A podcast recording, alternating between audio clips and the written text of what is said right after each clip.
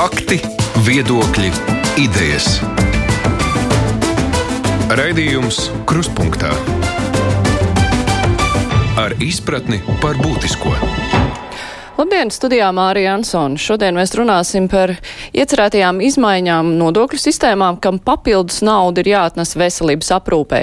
To paredzēts darīt, pārdalot sociālo iemaksu, iedzīvotāju ienākumu nodokļu un solidaritātes nodokļu likmes. Pēc tam ir paredzēts palielināt nodokļus arī nestandarta nodokļu režīmā strādājošajiem. Kā ir vērtējams šīs ieceras, par to mēs diskutēsim šodien. Kopā ar mums ir Finanšu ministrijas parlamentārais sekretārs Atis Zakatīstaus. Labdien!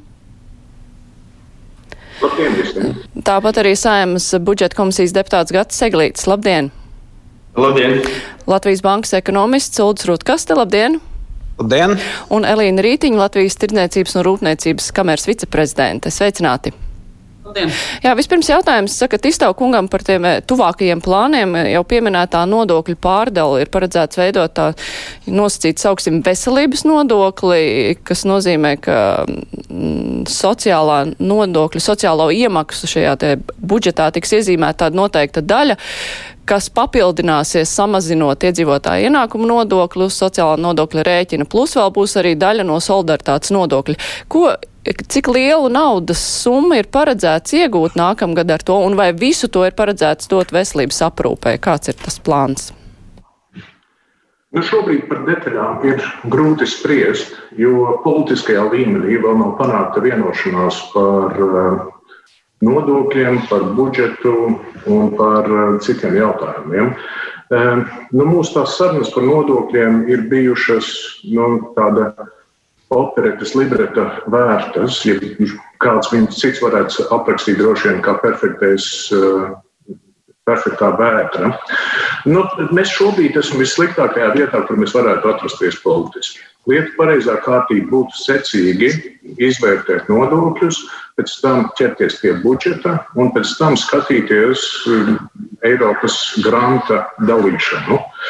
Um, atsevišķu partneru dēļ, un es neko nesaku, kas nav bijis ziņās iepriekš, bet no jaunā konservatīvā partija ir izmantojusi uh, nu, ultimātu taktiku, kas ir noildzinājusi visu šo jautājumu. Tā kā mēs atrodamies šobrīd nu, daļai pie sasistas silas, līdz ar to par detaļām es varu runāt tikai ļoti tentatīvi, jo, jo kā tur viss beigsies, to mēs vēl nezinām. Bet atgriežoties pie tām detaļām, tā pamatlieta ir Viņi var noreducēt uz iedzīvotāju ienākumu nodeļa, pro, iedzīvotāju ienākumu nodokļa proporcijas izmaiņu starp valstu un pašvaldību.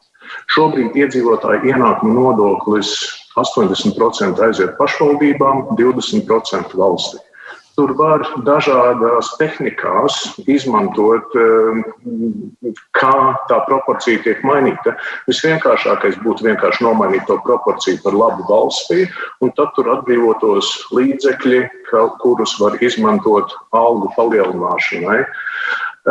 Vai tas ir tikai mediķiem, vai tas ir eh, arī izglītības darbiniekiem un arī iekšlietu sistēmas darbiniekiem, tas ir vēl pārunu rezultāts. Tas nozīmē, ka par kaut kādu veselības nodokli, par veselības nodokli arī nosacīt ir ir runāt?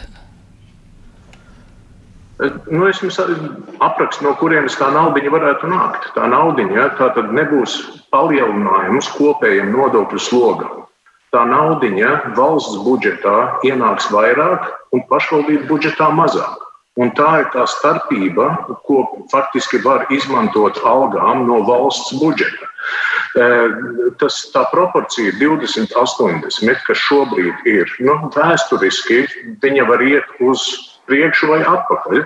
Bet vēsturiski ir bijis tā, tāpēc, ka ZZS ir bijis ļoti smags pašvaldību lobbyis, ka tā, tā proporcija visu laiku ir augusi par labu pašvaldībām. Nu, un šobrīd tas, tas brīdis ir pienācis, kad iespējams viņai jāmainās. Un, un, jā, tas ir tehnikas jautājums, kā, kādā veidā to darīt, bet nu, faktiski tā iespējamā algu palielinājuma nauda nāk no šīs proporcijas izmaiņas. Eglīša kungs, jūsu skatījumā, kāpēc ir iestrēgusi šī diskusija? Kur ir problēma? Zakatīstau kungs minēja, nu jā, uz pašvaldību rēķina, bet naudu var dabūt. Uh, jā.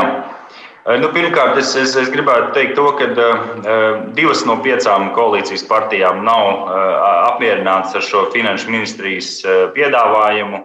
Un tas, uh, nu, tas galvenais uh, iemesls ir, uh, ir ļoti vienkārši. Mums joprojām ir, ir, ir ekonomiskā krīze dēļ Covid. Un šādā laikā domāt par nodokļu celšanu, nu jau jāsaka, vairākās kategorijās, vismaz piecās kategorijās To mēs uzskatām par, eh, nu, tas nav pareizais laiks. Mums jādomā, kā ļaut cilvēkiem izdzīvot šo grūto periodu, kā uzņēmējiem, kā, kā cilvēkiem, eh, atstāt maciņos pietiekoši daudz naudas, lai, lai, lai, lai pārciest šo ekonomisko triecienu. Bet sākotnēji Un... bija paredzēts nevis eh, tā nodokļu palielināšana, tas attiecas uz tālākiem gadiem, bet sākumā ir runa tikai par iedzīvotāju ienākumu nodokļu un sociālā nodokļa attiecību maiņu. Jā, nu tas, tas, ko mēs redzam, tas ir tāds nevajadzīgs vingrinājums, kas vēl vairāk sarežģīja mūsu jau tā sarežģīto nodokļu um, sistēmu. Ja mērķis ir palielināt finansējumu veselības nozarei, ko mēs atbalstam, to ļoti viegli var izdarīt no uh, kopējiem budžeta ieņēmumiem, iedalot uh, vai tie būtu 100 vai 200 miljoni vai vairāk, nu, palielinot izdevumu sadaļu um, uh, veselībai. Vai tāpat kā tika pieminēts, mainot šo, šo ienākumu IIN, iedzīvotāju ienākumu nodokļu sadalījumu starp valsti un pašvaldībām. Valsts varbūt var paņemt savu lielāku to, to, to daļu no IIN pīrāga un attiecīgi atvēlēt vairāk naudas veselībai. Tā kā nav īsti skaidrs, ko vispār Finanšu ministrija grib panākt ar šo reformu. Mēs redzam, ka tie, tie, tās sekas var būt ļoti bēdīgas, ka cilvēki tiek iedzīti vēl vairāk ēnu ekonomikā palielinās bezdarbs, nu, jāsaka, arī emigrācija, kas iepriekšējā krīzē, 8. un 9. gadā mēs redzējām, ļoti daudz cilvēku izbrauc no valsts. Mēs, mēs to negribam pieļaut. Un, eh, nu, finanšu ministri jāsaka, mēs gadu esam strādājuši pie, pie es atceros, pagājušajā vasarā es vēl gāju uz Zakatistova kunga vadīto darba grupu par nodokļu reformu. Nu, ja tas ir tas, ko ir spējuši finanšu ministrija un ministrs salikt, nu, jāsaka, bēdīgi. Jā, Rītiņas kundze, jums ir skaidrs, ko finanšu ministrija grib panākt ar šo reformu un jā, kādas sekas var būt? Labdien, jā, ir skaidrs no tā, kas, ko Finanšu ministrija varbūt ir gribējusi panākt, respektīvi finansēt, nepiecie, rast nepieciešamos līdzekļus veselības un pārējo vajadzību finansēšanai, kas ir saprotami un ir arī nepieciešami. Bet uz ko mēs jau iepriekš norādījām, nu, ir, ir tādas divas svarīgas lietas. Viena ir attiecībā uz to, ka balda šis mīts, ka Latvijā ir zems nodokļu sloks. Patiesībā nodokļu sloks jau šobrīd Latvijā ir viens no augstākajiem, augstāks kā virknē ziemeļu valstu, un ir tikai zem iekasējumība. Tās izmaiņas, kas ir piedāvātas starp IN un sociālā nodokļa pārlikšanu no viena uz otru, rada virkni neatrisinātu problēmu. Viena lieta tas ir attiecībā uz to, ka no joprojām tur nebūtu par apgādājumiem personām atrisināts jautājums, nebūtu jautājums skaidrs, kas notiek ar attaisnotiem izdevumiem, tas ir samazinājums. Un katras izmaiņas rada sekas uz jebkuru uzņēmēju darbību kā tādu. Respektīvi, izmaiņas izmaiņu pēc, viņas daudz liederīgāk būtu risināts starp pārdalot pašvaldības un budžeta finansējumu, jo rezultāts jau tāds pats vien būtu. Attiecībā uz tām pārējām izmaiņām tas ir atkal šis otrs mīts par, par to, kas ir pie vainas tam, ka ir pārāk mazs sociālais nodrošinājums, ko mēs redzējām gan Covid krīzē, gan kontekstā ar to, ka pietrūkst eh, valsts budžetā līdzekļu, ka pie visa vainīga ir eh, mazie nodokļu režīmi, kur mēs apzināmies, ka ir problēmas. Bet tieši iemeslu dēļ mēs palūdzām datus no valsts ieņēmuma dienesta apkopot par to, cik daudz Latvijā no visiem strādājošiem, Latvijā ap 900 tūkstoši uh, strādājošo kopumā ir, cik daudz ir tādu personu, kuras nesamaksā sociālo nodokli pat no minimālās algas. Nerunājam par minimālo algu, bet sociālais nodoklis zem minimālās algas. Uh, dati mūs diezgan pārsteidz, jo mm, kopumā ir 269 tūkstoši personu, kuras nesmaksā uh, sociālā nodokļa no minimālās algas. Pēc visiem mītiem bijām domājuši ieraudzīt, ka tur būs tikai un vienīgi mazie un alternatīvie nodokļu režīmi, bet nē, 180 tūkstoši ir vispārējā nodokļu režīmā strādājušie. Tas nozīmē pilnā nodokļu režīmā strādājušie.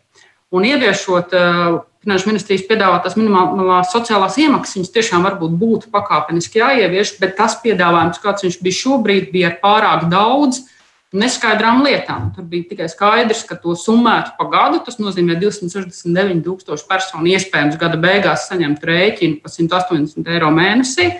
Kas ir gan liela summa. Protams, tur summas atšķirās. Nav skaidrs, kāda būtu izņēmuma, nav skaidrs, kādā veidā šīs um, sociālās iemaksas tiktu summētas, kā var sekot līdzi, kas notiek tajos gadījumos, um, ja personai vienā mēnesī ienākumi ir 80 eiro un citā 1000, respektīvi pārāk daudz neskaidru lietu Kaut gan idejiski, varbūt pakāpeniski būtu jāievieš arī šīs minimālās sociālās iemaksas tam dēļ, ka šie dati tomēr ir 269,000 personu, ir ļoti daudz, un tas korelē kopā arī ar ēnu ekonomikas datiem, kur mēs zinām, ka aploksņa augs ir virs 20%. Tā kā šīs lietas ir jāsabalansē kopumā, respektīvi to, ko mēs redzam, ka pareizāk būtu skatīties nodokļu sistēmu kopumā, virzīties konkurētspējas virzienā, ja jau mēs esam ar augstākām likmēm. Un tikai tad, kad ir konkurētspējas, tāds piedāvājums, ka mēs varam konkurēt ar citām valstīm, tad paralēli ieviest arī šīs minimālās sociālās iemaksas, samazināt iespējas eh, mazajos nodokļu režīmos, negodprātīgi tos izmantot varbūt nodarbināšanai, bet atstāt kaut kādu automātisku režīmu. Tas jau būtu prātīgāk un izdarīt to visu saulēcīgi, nu, ne budžeta ietvaros. Rutkas kungs, jums arī jautājums, kā jums šķiet, vai tas veids, kā valdība ir, eh, kā es atvainojos, finanšu ministrija ir mēģinājusi rast papildus līdzekļus medicīnai, vai tas ir nu, tas pareizais piegājiens?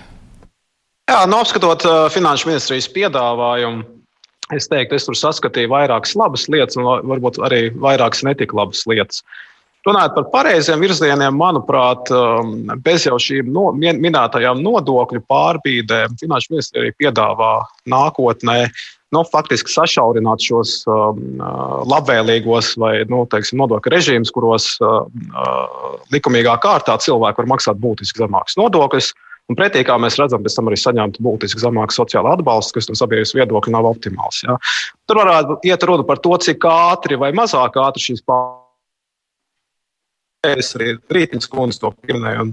Es personīgi arī uh, to atbalstu. Ja. Tās lietas, kas varbūt nav tik labas, un arī man personīgi tā līdz galam nav saprotamas, ir šī nodokļa rokāde starp ienākumu nodokli un sociālo nodokli. Skaidrs, ka ir acīm redzami, kā Zaka Tistova kungs minēja, ka tā ir teiksim, tāds no vēlme ielikt no valsts vienas kabatas citā kabatā, faktiski paņemt varbūt no pašvaldību budžetiem, nedot veselības aprūpes vai, vai, vai, vai, vai citām vajadzībām. Bet uh, uh, veicot to ar šiem nodokļu instrumentiem, man liekas, tas ir tāds nevisai caurskatāms un um, diezgan sarežģīts veids, kam ir nevēlamas implikācijas. Ja, nu, pirmkārt, tā lieta, par ko Latvijas bankas kolēģi jau ir minējuši, ka ar šādu rokādi faktiski negatīvi tiek ietekmētu uh, mazo algu zem vidējās algas saņēmēji, kam ir atgādājumi. Ja tam šiem cilvēkiem um, tīri mehāniski nodokļu sloks nedaudz pieaugtu kas ir nevēlama blakne. Bet uh, pats galvenais, manuprāt, ka šobrīd, raugoties no ekonomikas viedokļa, tas pareizais virziens būtu pārnest nodokļu slogu kā tādu no darba spēka uz patēriņu. Ja? Tas ļautu faktiski nesamazinot budžeta ienākumus, um, sekmēt vai veicināt gan nodarbinātību, gan tautsājumniecības aktivitāti tuvākajos gados. Ja? Tā būtu mērķtiecīga nodokļu re, uh, reforma, bet, nu, diemžēl, raugoties uz, uh, uz teiksim, koalīcijas sarunām, kā jau arī kolēģi minēja iepriekš, ja nu, šīs sarunas nav vieglas un, un, un, un diez vai teiksim, nu, šādos apstākļos teiksim, tādu nopietnu nodokļu reformu nu, varētu pieņemt. Jā, Zakatisto kungs par šo nodokļu rokādi, kā tas izskanēja no vienas kabatas otrā, uh, nu, vai nav kaut kā, tad vien, tā kā jau te arī tika pieminēts, nu, tad vienkārši samazināt uh, naudu, kas tiek piešķirta pašvaldībām un piešķirt medicīnai, kāpēc ir vajadzīgs spēlēties ar nodokļu likmēm? Jā, jā. Iespējams, ka tā arī būs jādara, jo tas ir vienkāršāk un tas ir skaidrāk. Bet es gribētu komentēt Rutgas kunga teikto un Eglīša kunga teikto. Un tur ir viena pamatlieta, ja mēs domājam par budžetu. Un tas ir savienoto trauku princips. Ja kaut kur grib tērēt vairāk, tad no kaut kurienes tas ir jāņem. Eglīša kungs šo savienoto trauku principu nesaprot. Viņš grib zemākus nodokļus un augstākus izdevumus. Un tas nav iespējams. Rutkastes kungs saprot šo lietu. Un tas, ko viņš pateica, nu, vienkāršā valodā sakot, viņš saka, samazināsim nodokļus darba spēkam un palielināsim PVN. Un tā ir tā izvēle. Un tur ir tas savienoto trauku princips. Es domāju, ka šajā brīdī, nu, kā jau Rutgas kungs arī teica, mēs esam politiski grūtā situācijā. Palielināt PVN nu, ir neprāts, manuprāt. Eh, un politiski es domāju, to nevar izdarīt īpaši domājot par sadarbības partneriem, kā Gatis Eklīds, kurš grib samazināt nodokļus un palielināt izdevumus. Kā to izdarīt? Es nezinu. Varbūt Gatis Eklīds vienlaicīgi ne tā vietā, lai kritizētu finanšu ministriju, kura atrodas zem Gata Eglīša un viņa draugu politiskā spiediena, varbūt vienkārši noskaidro savas prioritātes, lai tās prioritātes nav pretrunīgas, un tad detalizēti visu varēs izstrādāt. Šobrīd Tas, kas nāk, ir, ir, ir sapņu pasaule. Es vairāk kārt esmu to teicis. Nu, Piena, upes, ķīseļa krasta un šokolādes tilts pa virsmu. Bet tas, ko Mums, jūs minējāt, mēs runājam, mēs runājam par to, ka cilvēki aizmirst, ka IKP ir samazinājies. Mums ir objektīvi daudz mazāk naudas. Bet tas, ko jūs minējāt par. Tiltus, nu, Bet jūs minējāt, ka, ka domāt par PVN palielināšanu, tas ir neprāts. Jūs domājat, neprāts ir, tas ir jūsu viedoklis, tas būtu neprātīgi vai arī neiespējami to izdarīt šīs valdības laikā? Jūs varētu precizēt. Es domāju, ka tas ir nepareizi pēc būtības, jo, ja mēs domājam par budžetu kopumā, budžetam kopumā ir vairāk nekā viena svira. Viena svira ir nodokļu sistēma, un otra svira ir izdevuma pārskatīšana. Tā vietā, lai mēs tagad runātu par PVN palielinājumu, es atsakos par to runāt, līdz kamēr ministrijas nav iegulušas airos pārskatot izdevumus. Paldies! Eglīša kungs, jūsu komentārs. Es gribētu teikt, tā pavisam vienkārši ir viena kategorija, kur, kur finanšu ministrijai vēl ir ļoti, ļoti daudz darāmā, un tas ir ēna ekonomika. Mēs redzam, šie Arņa Saukas ēna ekonomikas pētījumi pēdējo divu gadu laikā, tā tendence mēs, mēs redzam, ēna ekonomikas īpatsvars valstī palielinās atšķirībā no Lietuvas un Igaunijas.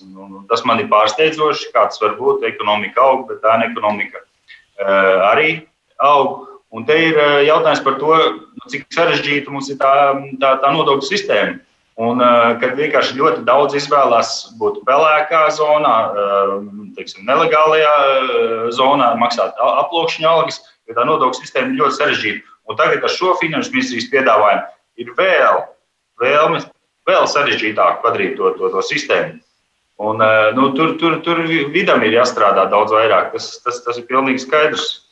Un uh, vēl viena lieta, jā, nu par darba spēku nodokļu slogu. Mēs arī vairākas reizes esam, esam teikuši, un arī premjerministrs uh, pavisam nesen liekas, ir sapratis, ka tiksim, tas, tas darba spēks sloks mums jau ir sasniedzis Zviedrijas līmeni būtībā. Ja? Tas, ko maksā nodarbināt vienu strādnieku Latvijā, iepratīm Lietuvai, tas ir būtiski lielāks. Un, un, un es arī nesen biju uh, LTRK, Latvijas Tirzniecības Rūpniecības kameras uh, diskusijā, kur uzņēmēji viņi saka, ka nu, viņi nevar cīnīties ar Lietuvu par investīcijām, ja mums viens darbinieks maksā būtiski vairāk. Tās investīcijas aiziet uz Lietuvu.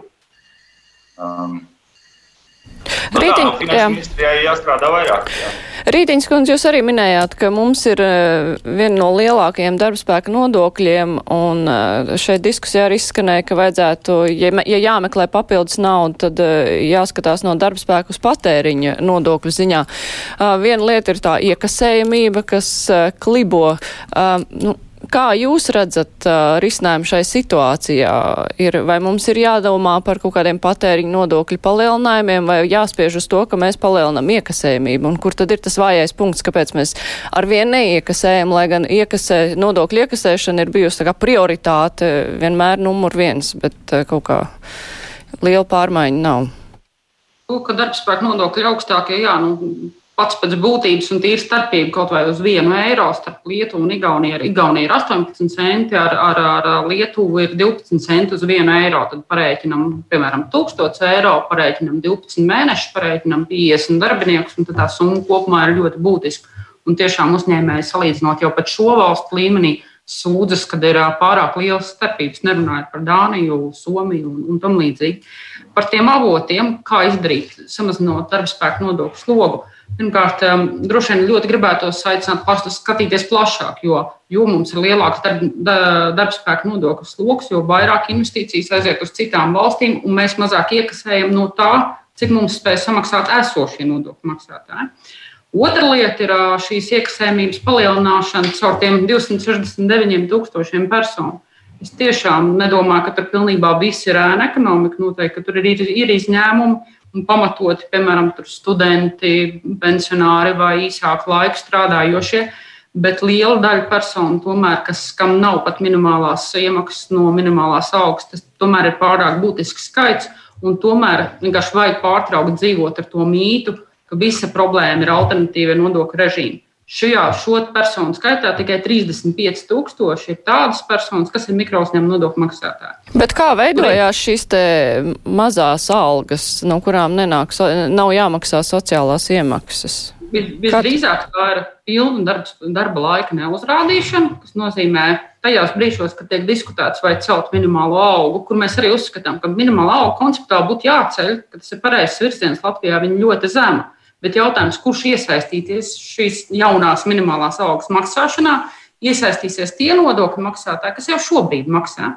Turpretī tie, kas, ir, kas nesasniedz pat minimālo algu, šie 180 tūkstoši vispārējā režīmā, Viņi vienkārši uzrādīs vēl mazāk darba laika stundas un joprojām neiesaistīsies nodokļu nomaksā. Tāpēc konceptuāli tas virziens par iesaisti un to, ka persona pati maksā šās minimālās sociālās iemaksas, ir pareizs. Tikai tas ir jādara kopā ar konkurētspējīgiem darbspēku nodokļiem. Ieņēmuma dienas arī ir ļoti aptuveni parēķinājis, cik tas būtu ieņēmumos, ja visas šīs personas sāktu maksāt, bet tas tomēr ir jāņem vērā, ka visas personas, nu, tur ir arī izņēmumi iekšā, ka tas ir virs 130 miljoniem eiro.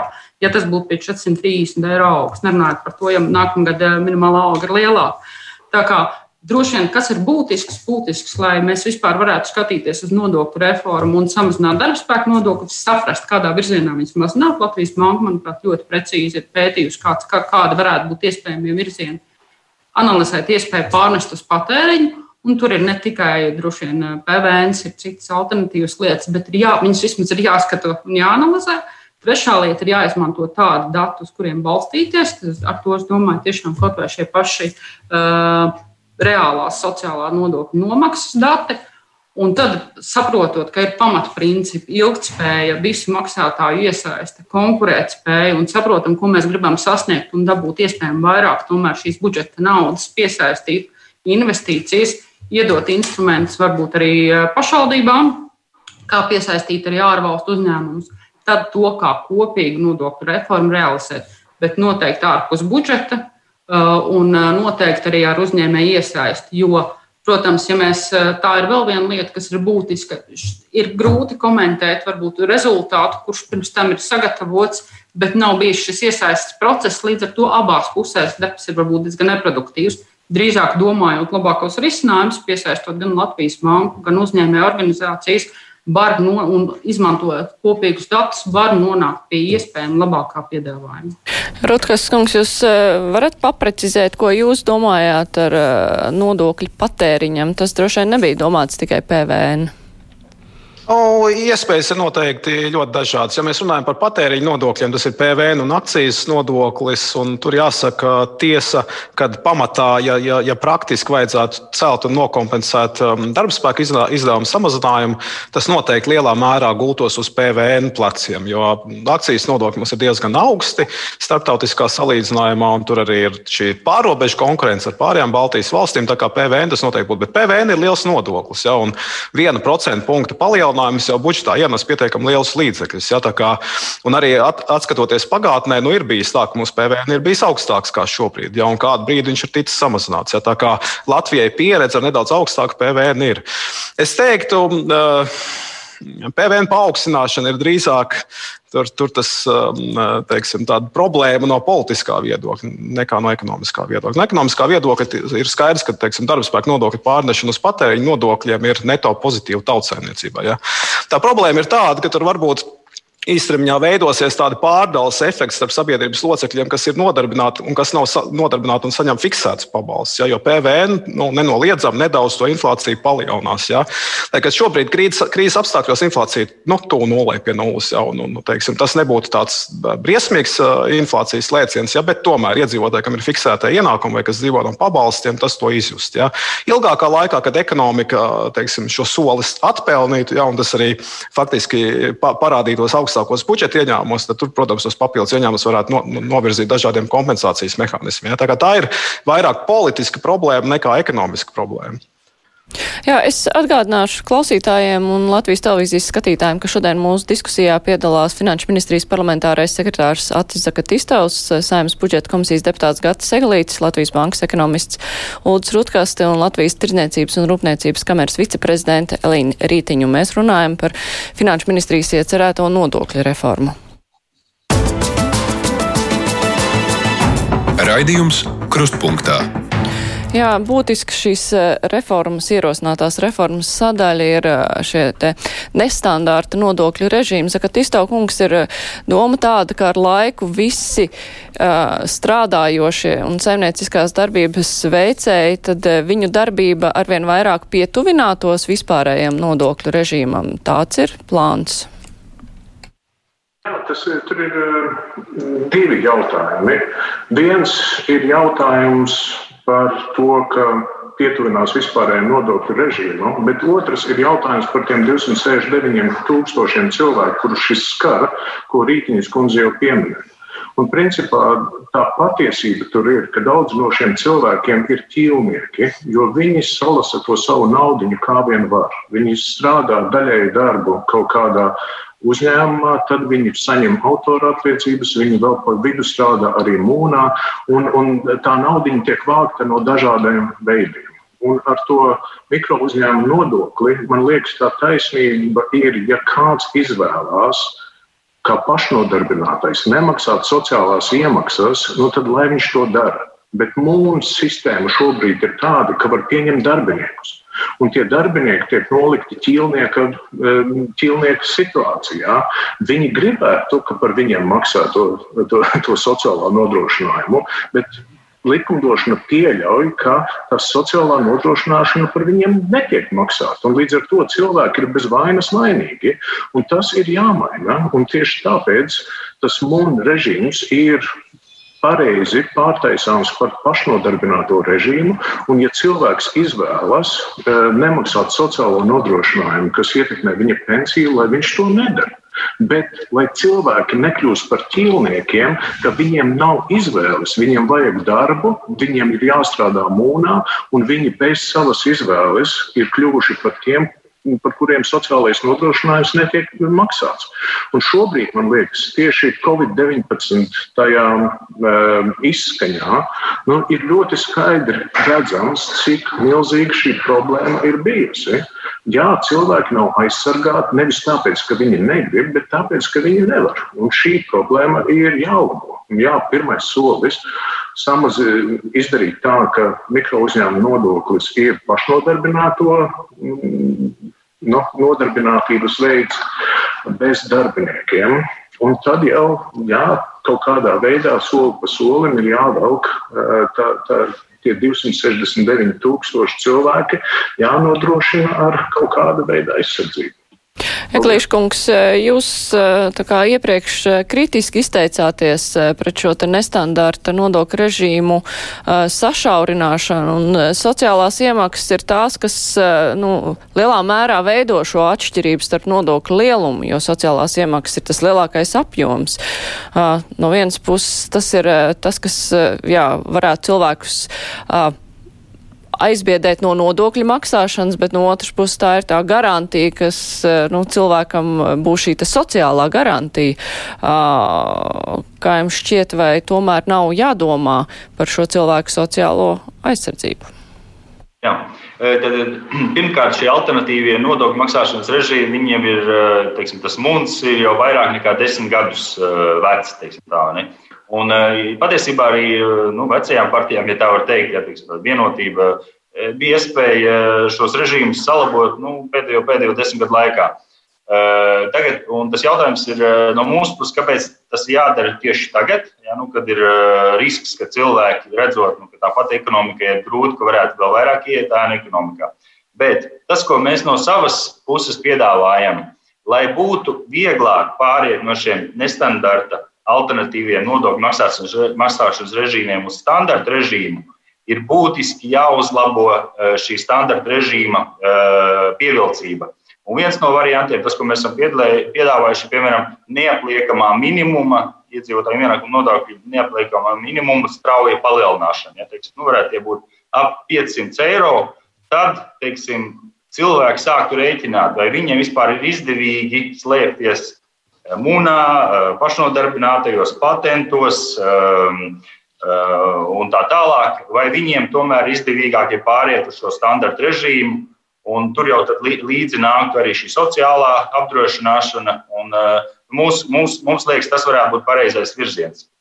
Jo tas, ko piedāvāja Zagatis Iztaukungs arī par to pašnodarbināto uh, režīmu, ok, varbūt tas ir arī labs virziens, bet tur jāskatās, lai viņš nekļūst uh, nu, sarežģīts. Jo patreiz tā, tā pieeja no finanšu ministrijas puses, kā es redzu, ir apmēram jebkuram uzņēmējam ir, ir jābūt blakus jāsēž grāmatvedim. Ja? Nu, mēs, Mēs uztaisīsim sarežģītu sistēmu, lai ikvienam, pat mazam, mazam tirgotājam, ir blakus jāsēž grāmatvedībā, jo, jo tik sarežģīti ir uztaisīt. Nu, tā, tā nedrīkst. Ruskas kungs, es no jūsu iepriekš teiktā arī sapratu, ka jūs prāt ir pareizs solis šos te nestandarta režīmus, nu, ar laiku likvidēt jautājums ir tikai par termiņiem, kad un kādā veidā to izdarīt. Pareizi? Tā ir. Protams, ka tas ir sarežģīts jautājums un skaidrs, ka daudzus cilvēkus tas ietekmēs. Jā, bet es domāju, ka cilvēkiem jāsaprot, ka maksājot nodokļus, mēs tomēr nodrošinām sev palīdzību no valsts tajā brīdī, kad mums šī palīdzība būs vajadzīga. Jā. Šajā krīzē es domāju, ļoti daudz to redzēju. Valsts arī nāca, nāca pretīm un kaut nedaudz palielināja tos minimālos pabalstus, ko varēja saņemt cilvēki, kas varbūt tajos nodokļos nebija iemaksājuši tik lielas summas, lai kvalificētos pilnīgam, pilnam pabalstam. Ja, tā kā uh, sociālajai sistēmai ir jābūt valstī, bet jautājums ir, uh, vai sociālajai sistēmai ir jānodrošina, piemēram, pārticība vecumdienās, vai ir jānodrošina teiksim, nu, tāda cilvēka cienīga dzīve vecumdienās. Ja? Un šeit ir jautājums par to, ka, ja mēs raugamies vairumā Eiropas valsts, tad tur šīs sociālās sistēmas gan iemaksas sociālā nodokļa iemaksas, gan arī pabalsti. Nu, tiem ir noteikti griezti. Ja cilvēki nu, līdz teiksim, vidējiem, varbūt nedaudz virsvidējiem ienākumiem šo, šo, šo, šo nodokli maksā, un tālāk jau pēc šiem grieztiem šo nodokli nemaksā, un arī pabalsti tiek nu, nu, nu, saka, nogriezti atbilstošā līmenī. Ja? Tas nozīmē, ka sociālā sistēma kalpo tādu sociālās politikas mērķu realizācijai. Ja? Un viss pārējais, ja kādam ir lielāki ienākumi, ja, tad tur savukārt šī solidaritāte efektivitāte pamatā tiek realizēta caur iedzīvotāju ienākumu nodokli, nu, kas vairumā valsts ir progresīvs. Ja.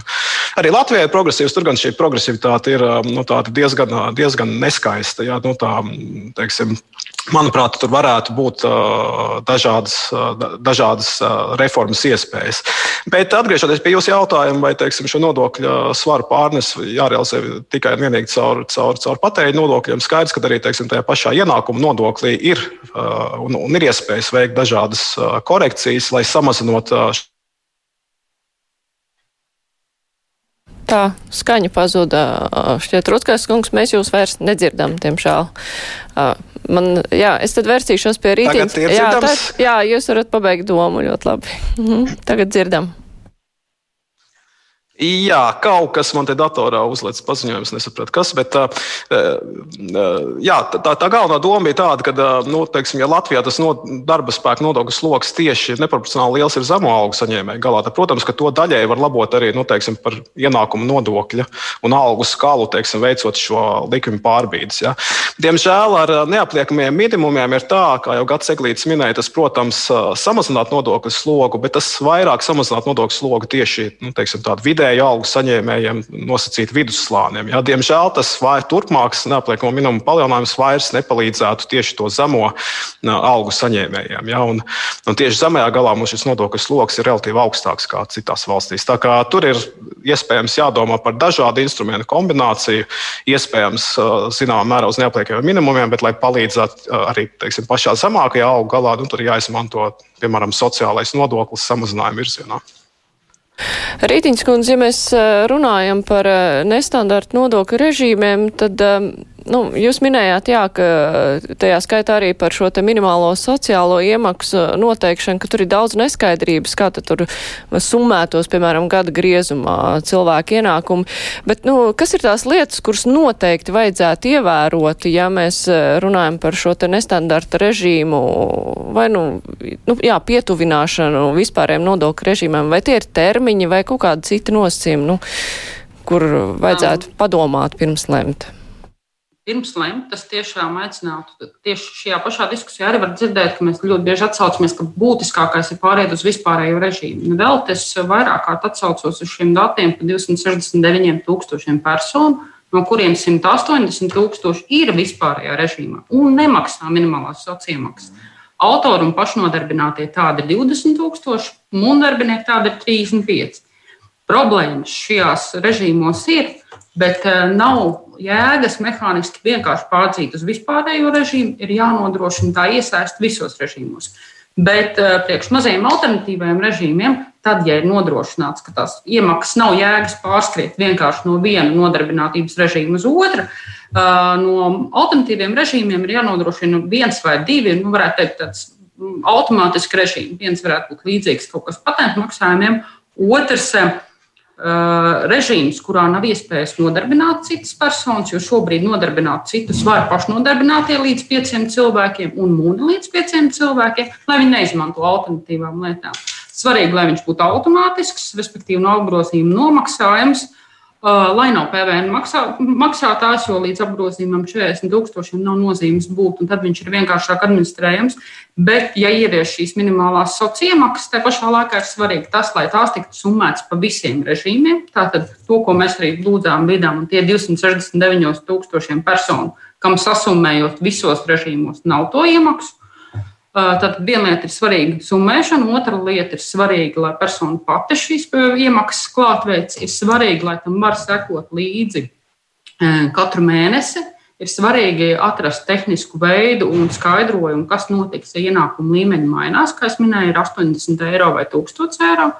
Ir svarīgi saprast un novērst iespējas no tā izvairīties. Ar to es domāju, Tad tagad bija piedāvājums laikam pēc augsts nodokļas grāmatiņas uh, skatīties un darba devējiem šo slogu papildus uzlikt. Uh, nodokļu grāmatiņu var nesniegt nekur. Uh, attiecīgi, tas aklidot iespējas alternatīvām. Respektīvi, ir pārāk daudz tehnisku lietu, kuras visas ir jāatrisina kopā, kuram ir jābūt kā piedāvājumam šajā virzienā. Tad tam ir jānāk kopā ar konkurētspēju vispārīgā režīmā. Un tur es atkal gribētu teikt, ka pēc OECD, dati, OECD datiem, to, ko es minēju, Mums ir augsts nodokļu sloks ne tikai zemo augu sektorā, bet arī vidējo un augstu augu sektorā. Līdz ar to mums ir jāpadomā, kā mēs visus nodokļu maksātājus piesaistām.